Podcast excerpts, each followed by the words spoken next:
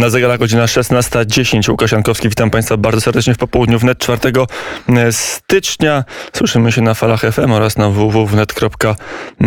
E, dzisiaj, e, dzisiaj jest trochę tematów do omówienia, bo i pandemia, ale w tym wymiarze polskim i w, w wymiarze europejskim, jak działają obostrzenia, jak społeczeństwo europejskie na kolejną falę, piątą już pandemii się zapatrują, jak działają kraje w, w trakcie kryzysu pandemicznego. Do tego jeszcze wizyta na wschodzie i na tym, jak wygląda polityka Putina i czym może się skończyć i czy na pewno możemy być spokojni, że to tylko prowokacja, tylko demonstracja siły i do żadnej takiej pełnoskalowej wojny nie dojdzie, czy może jednak jest tak, że w każdej chwili, czy przynajmniej z tygodnia na tydzień sytuacja może się tak zaognić, że do konfliktu zbrojnego u naszego wschodniego sąsiada e, dojdzie, ale na początek dzisiaj w popołudniu wnet e, temat e, najbliższy, mówi się bliższa koszula ciała, czasami na początku i na końcu miesiąca najbliższy dla nas, czy najważniejszy jest stan konta i o tym teraz porozmawiamy, ale nie tylko w tym wymiarze polskim, także w wymiarze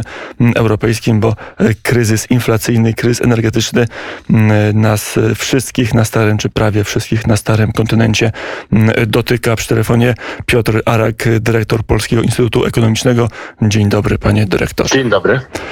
E, to na początek siłą rzeczy. Mieliśmy o energetyce rozmawiać, ale ja nie mogę nie zapytać o efekt i medialny, i fiskalny Polskiego Ładu, bo wielu z nas teraz zagląda na konta, patrzy na przelewy. Niektórzy dostają już na zaś, na przykład w budżetówce, na uniwersytetach, w szkołach dostaje się przelewy już za styczeń. Niektórzy patrzyli na nie z nadzieją, się rozczarowali, inni mieli odwrotne elementy, ale wydaje się, że jest doza chaosu przy okazji wprowadzania Polskiego Ładu w praktyce, jak pan dyrektor uważa?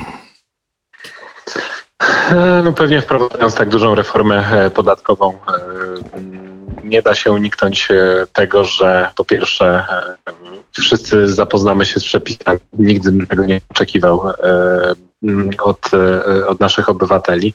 A z drugiej strony jest tak, że też trzeba pamiętać, że no jest to początek, tak? Mamy 4 stycznia. Część tych płatności z góry, czyli tych e, sektorów gospodarki, w których e, wynagrodzenia wypłacane są e, z, już za styczeń. Część firm ma wypłaca jeszcze wynagrodzenia za grudzień, ale za każdym razem na początku kolejnego miesiąca, w związku z tym też nie, też dopiero pojawiają się pierwsze transakcje liczone według, no, według czy wyliczenie według nowego systemu podatkowego.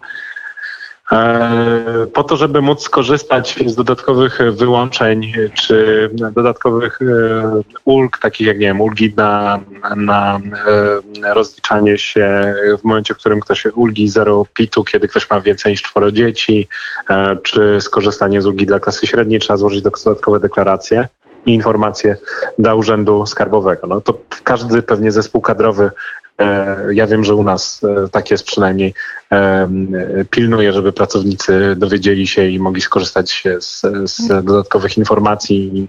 Ale Polski Instytut Ekonomiczny jest po pierwsze ekonomiczny, a po drugie jest dobrze zorientowany, więc pewnie wiedział, a podejrzewam i obawiam się, że wiele firm e, nie na bieżąco informowało swoich pracowników, e, same będąc nie do końca poinformowane, żyły z dnia na dzień, bo tak się często żyje, tak się często w zawierowaniu spraw pracuje. No i teraz jest kłopot, bo dostaje się pismo i nie wiadomo, czy skorzystać z tej ulgi dla klasy średniej, czy nie korzystać. E, pan dyrektor skorzysta?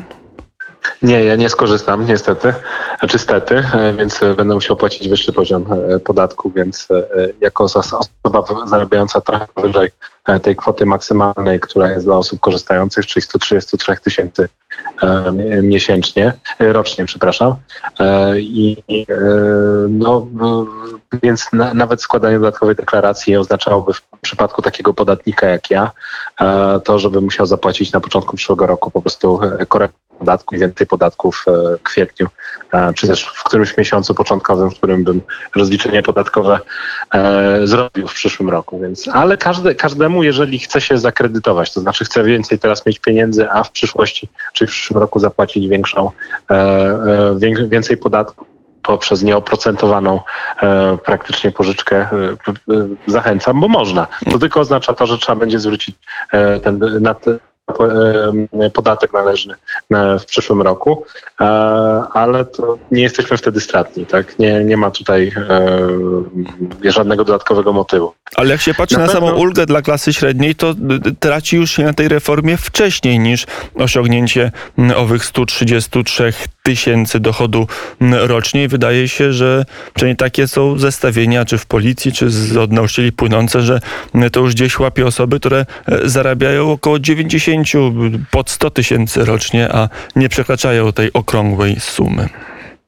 No tylko mówimy o wynagrodzeniach brutto, tak? Więc to jest, to jest 133 tysiące w przypadku miejsca pracy.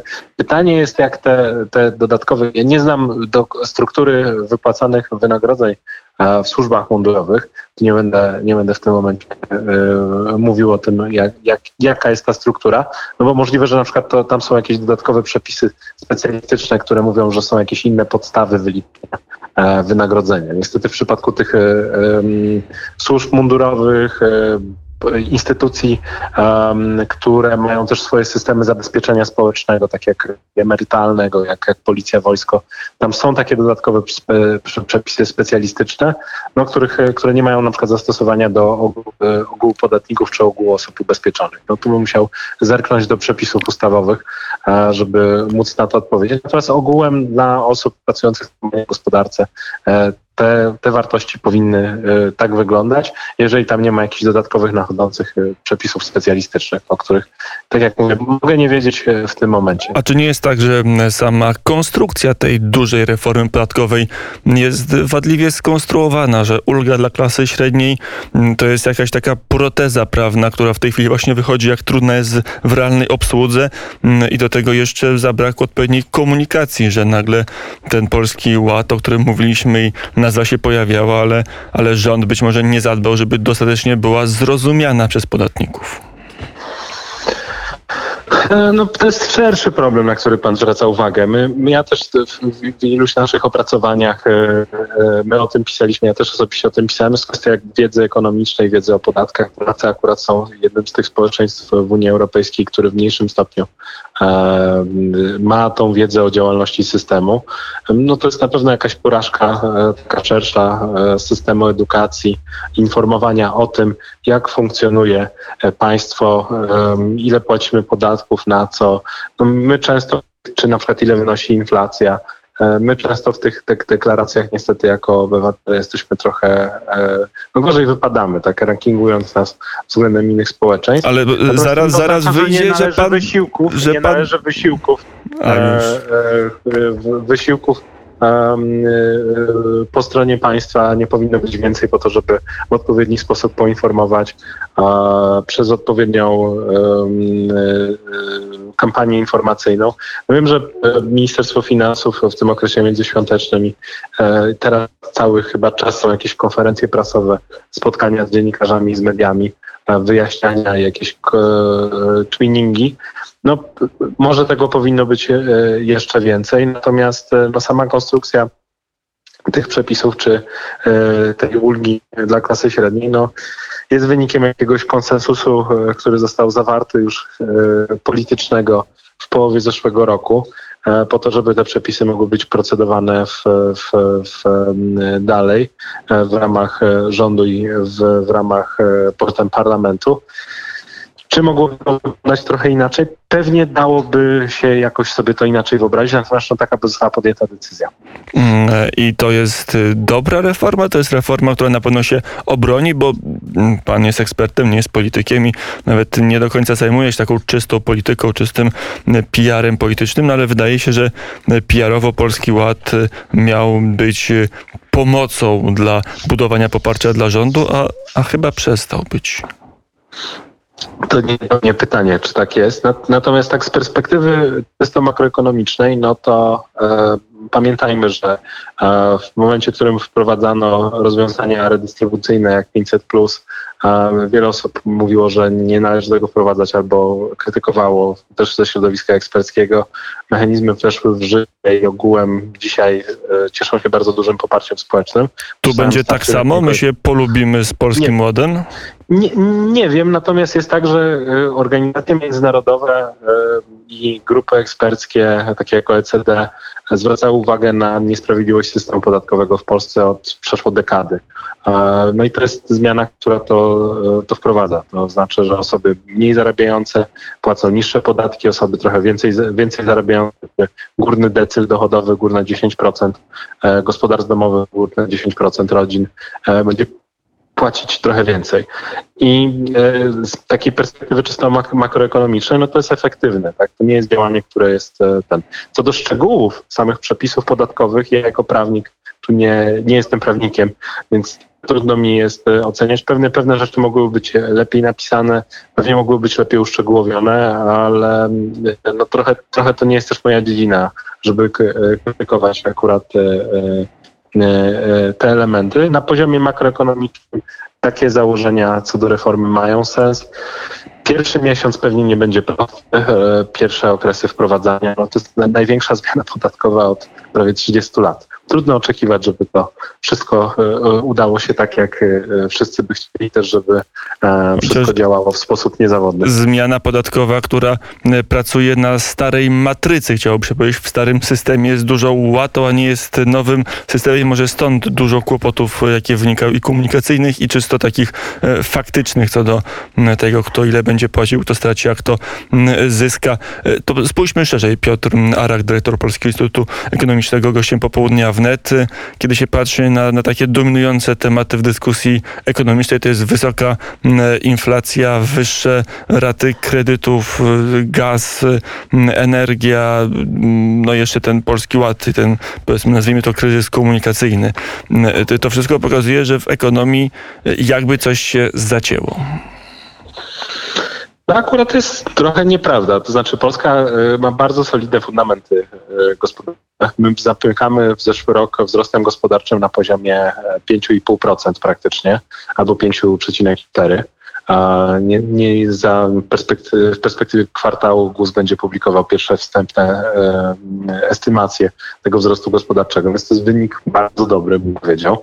E, roku recesji w 2020 roku jednak e, nie tak dużego, ale wzrostu stopy bezrobocia. W tym momencie mamy 80% aktywności zawodowej, najwyższe wskaźniki zatrudnienia, e, najniższe historycznie stopy bezrobocia.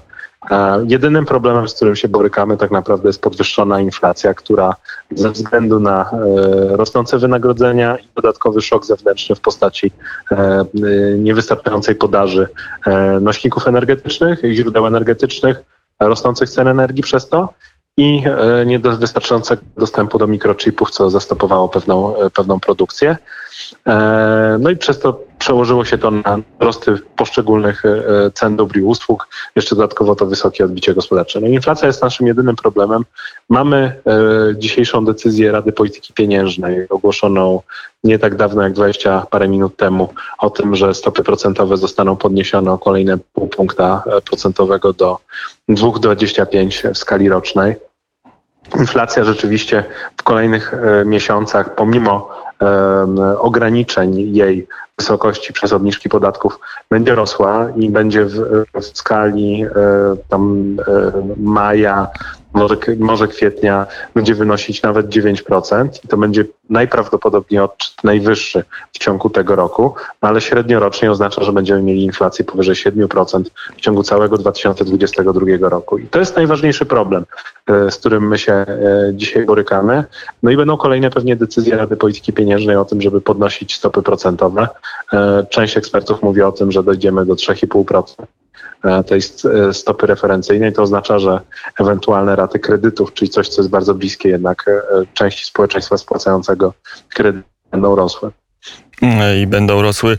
To zależy o ile od wysokości kredytu, to będziemy jeszcze jutro sobie przeliczać, jak ta najnowsza podwyżka stóp procentowych wpłynie na obsługę zadłużenia zwykłych kredytobiorców, a jeszcze w ramach szoku energetycznego, który się przekłada także na problem inflacji, rzecz jasna i oczywista, na ile polski rząd i tarcza inflacyjna jest czymś wyjątkowym na arenie europejskiej, bo oczywiście dużo się mówi, że ta tarcza gdzie jest widoczna, zwłaszcza w kwestii benzyny była dość szybko i namacalnie zauważalna.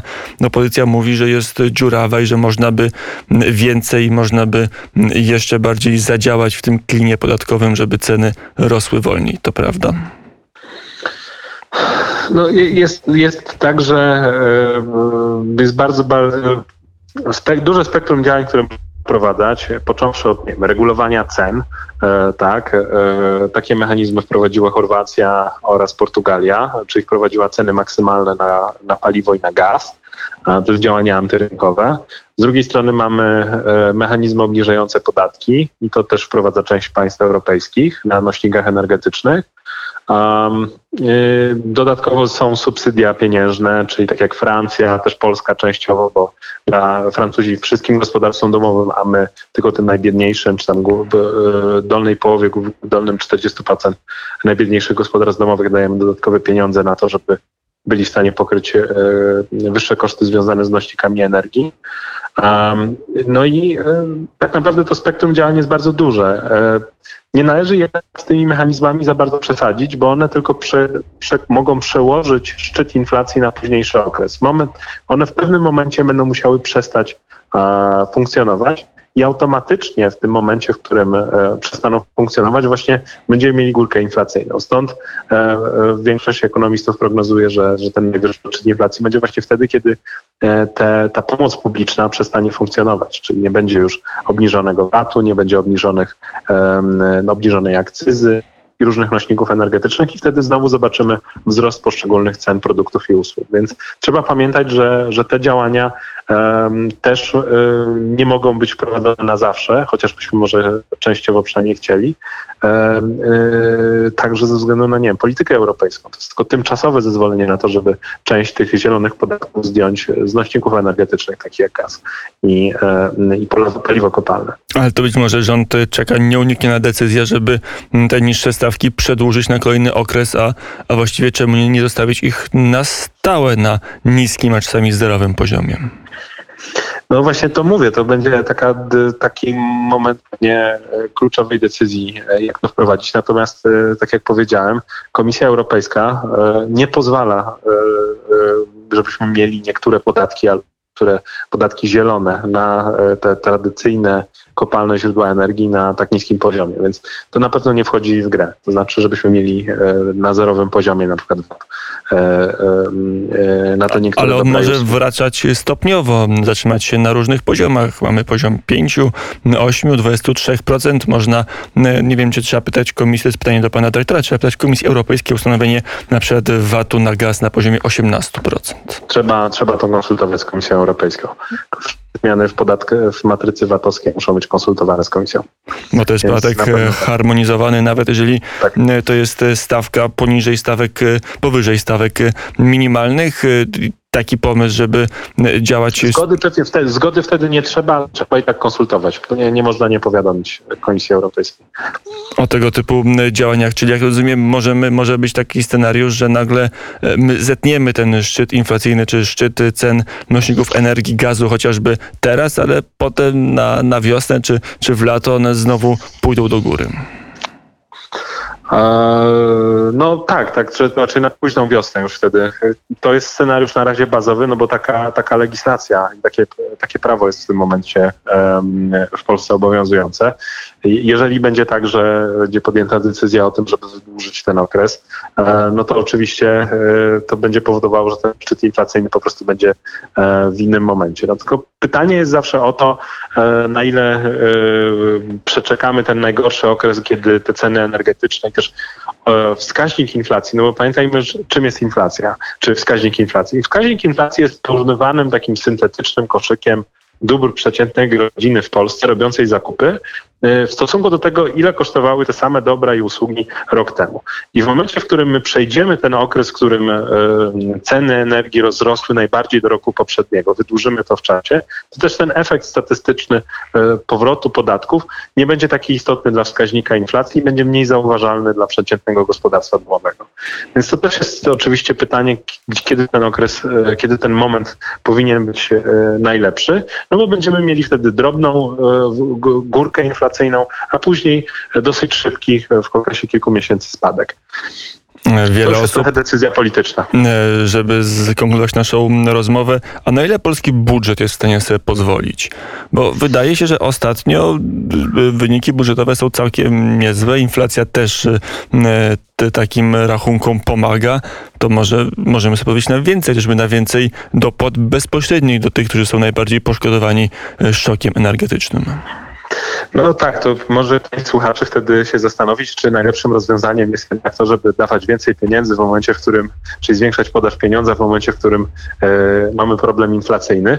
No i wielu teoretyków jednak ekonomii by się e, nie zgodziło e, i praktyków pewnie też, czyli dawanie dodatkowych świadczeń nie jest e, e, rozwiązaniem, które Ale dopóki może to nie jest, sytuację ale to nie inflacyjną. jest pusty pieniądz, no bo to mamy dobrą sytuację budżetową, nie trzeba go drukować, nie trzeba się zapożyczać. Być może e, to będzie pieniądz, który trafi w ramach Polskiego Ładu, który jednak, e, no, ty, ty, może nie to, że zwiększy zasób budżetu, no ale niektórzy zapłacą więcej, to może się będzie bilansować i nie będzie miało wpływu na inflację.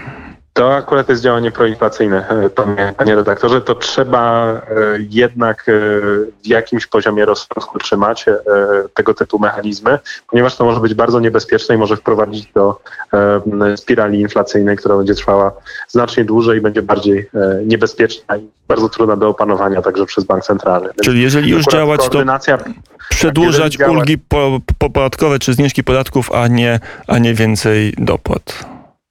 Mm, Na pewno tak. To jest, to form działania trochę o charakterze bezpiecznym. Też argument pojawił w przestrzeni publicznej e, przez, e, wrzucony przez jedną z ekonomistek e, w tekście dla Guardiana e, lewicowego w, Wielkiej Brytanii. To jest to, żeby wprowadzić e, regulowane ceny. No Tylko znowu, to jest działanie antyrynkowe. E, nie do końca zgodne. My mieliśmy i mieliśmy takie okresy, e, w których ceny były regulowane. E, Nie żyjemy w takim świecie i chyba jest lepiej, więc też nie powracajmy do rozwiązań i mechanizmów, które e, z czasów komunizmu e, niech zostaną tam, tam gdzie były nie stosujmy ich może w, w dzisiejszych warunkach.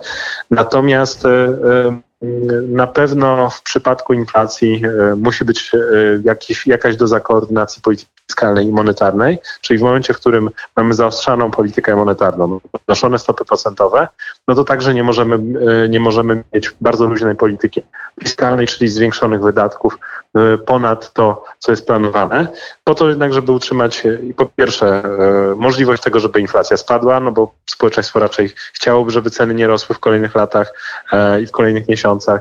A z drugiej strony też jest to, że no nie jest to racjonalne ekonomicznie, tak? No będzie to podkopywały kon- konkurencyjność polskiej gospodarki. Um, i to też trzeba pamiętać, więc wysoka inflacja nie jest e, czymś, e, e, czymś, co chcemy zachowywać na kolejne miesiące. Raczej chcemy, żeby ona wracała do celu inflacyjnego gdzieś na poziomie maksymalnie 3,5%. Zobaczymy, kiedy to się wydarzy. Piotr Rak, dyrektor Polskiego Instytutu Ekonomicznego, był gościem popołudnia wnet. Dziękuję bardzo za rozmowę. Dziękuję bardzo. Do usłyszenia na zegarach, na zegarach godzina 16.33. Teraz zespół Manam, a my zaraz mm, e, potem zameldujemy się w Amsterdamie.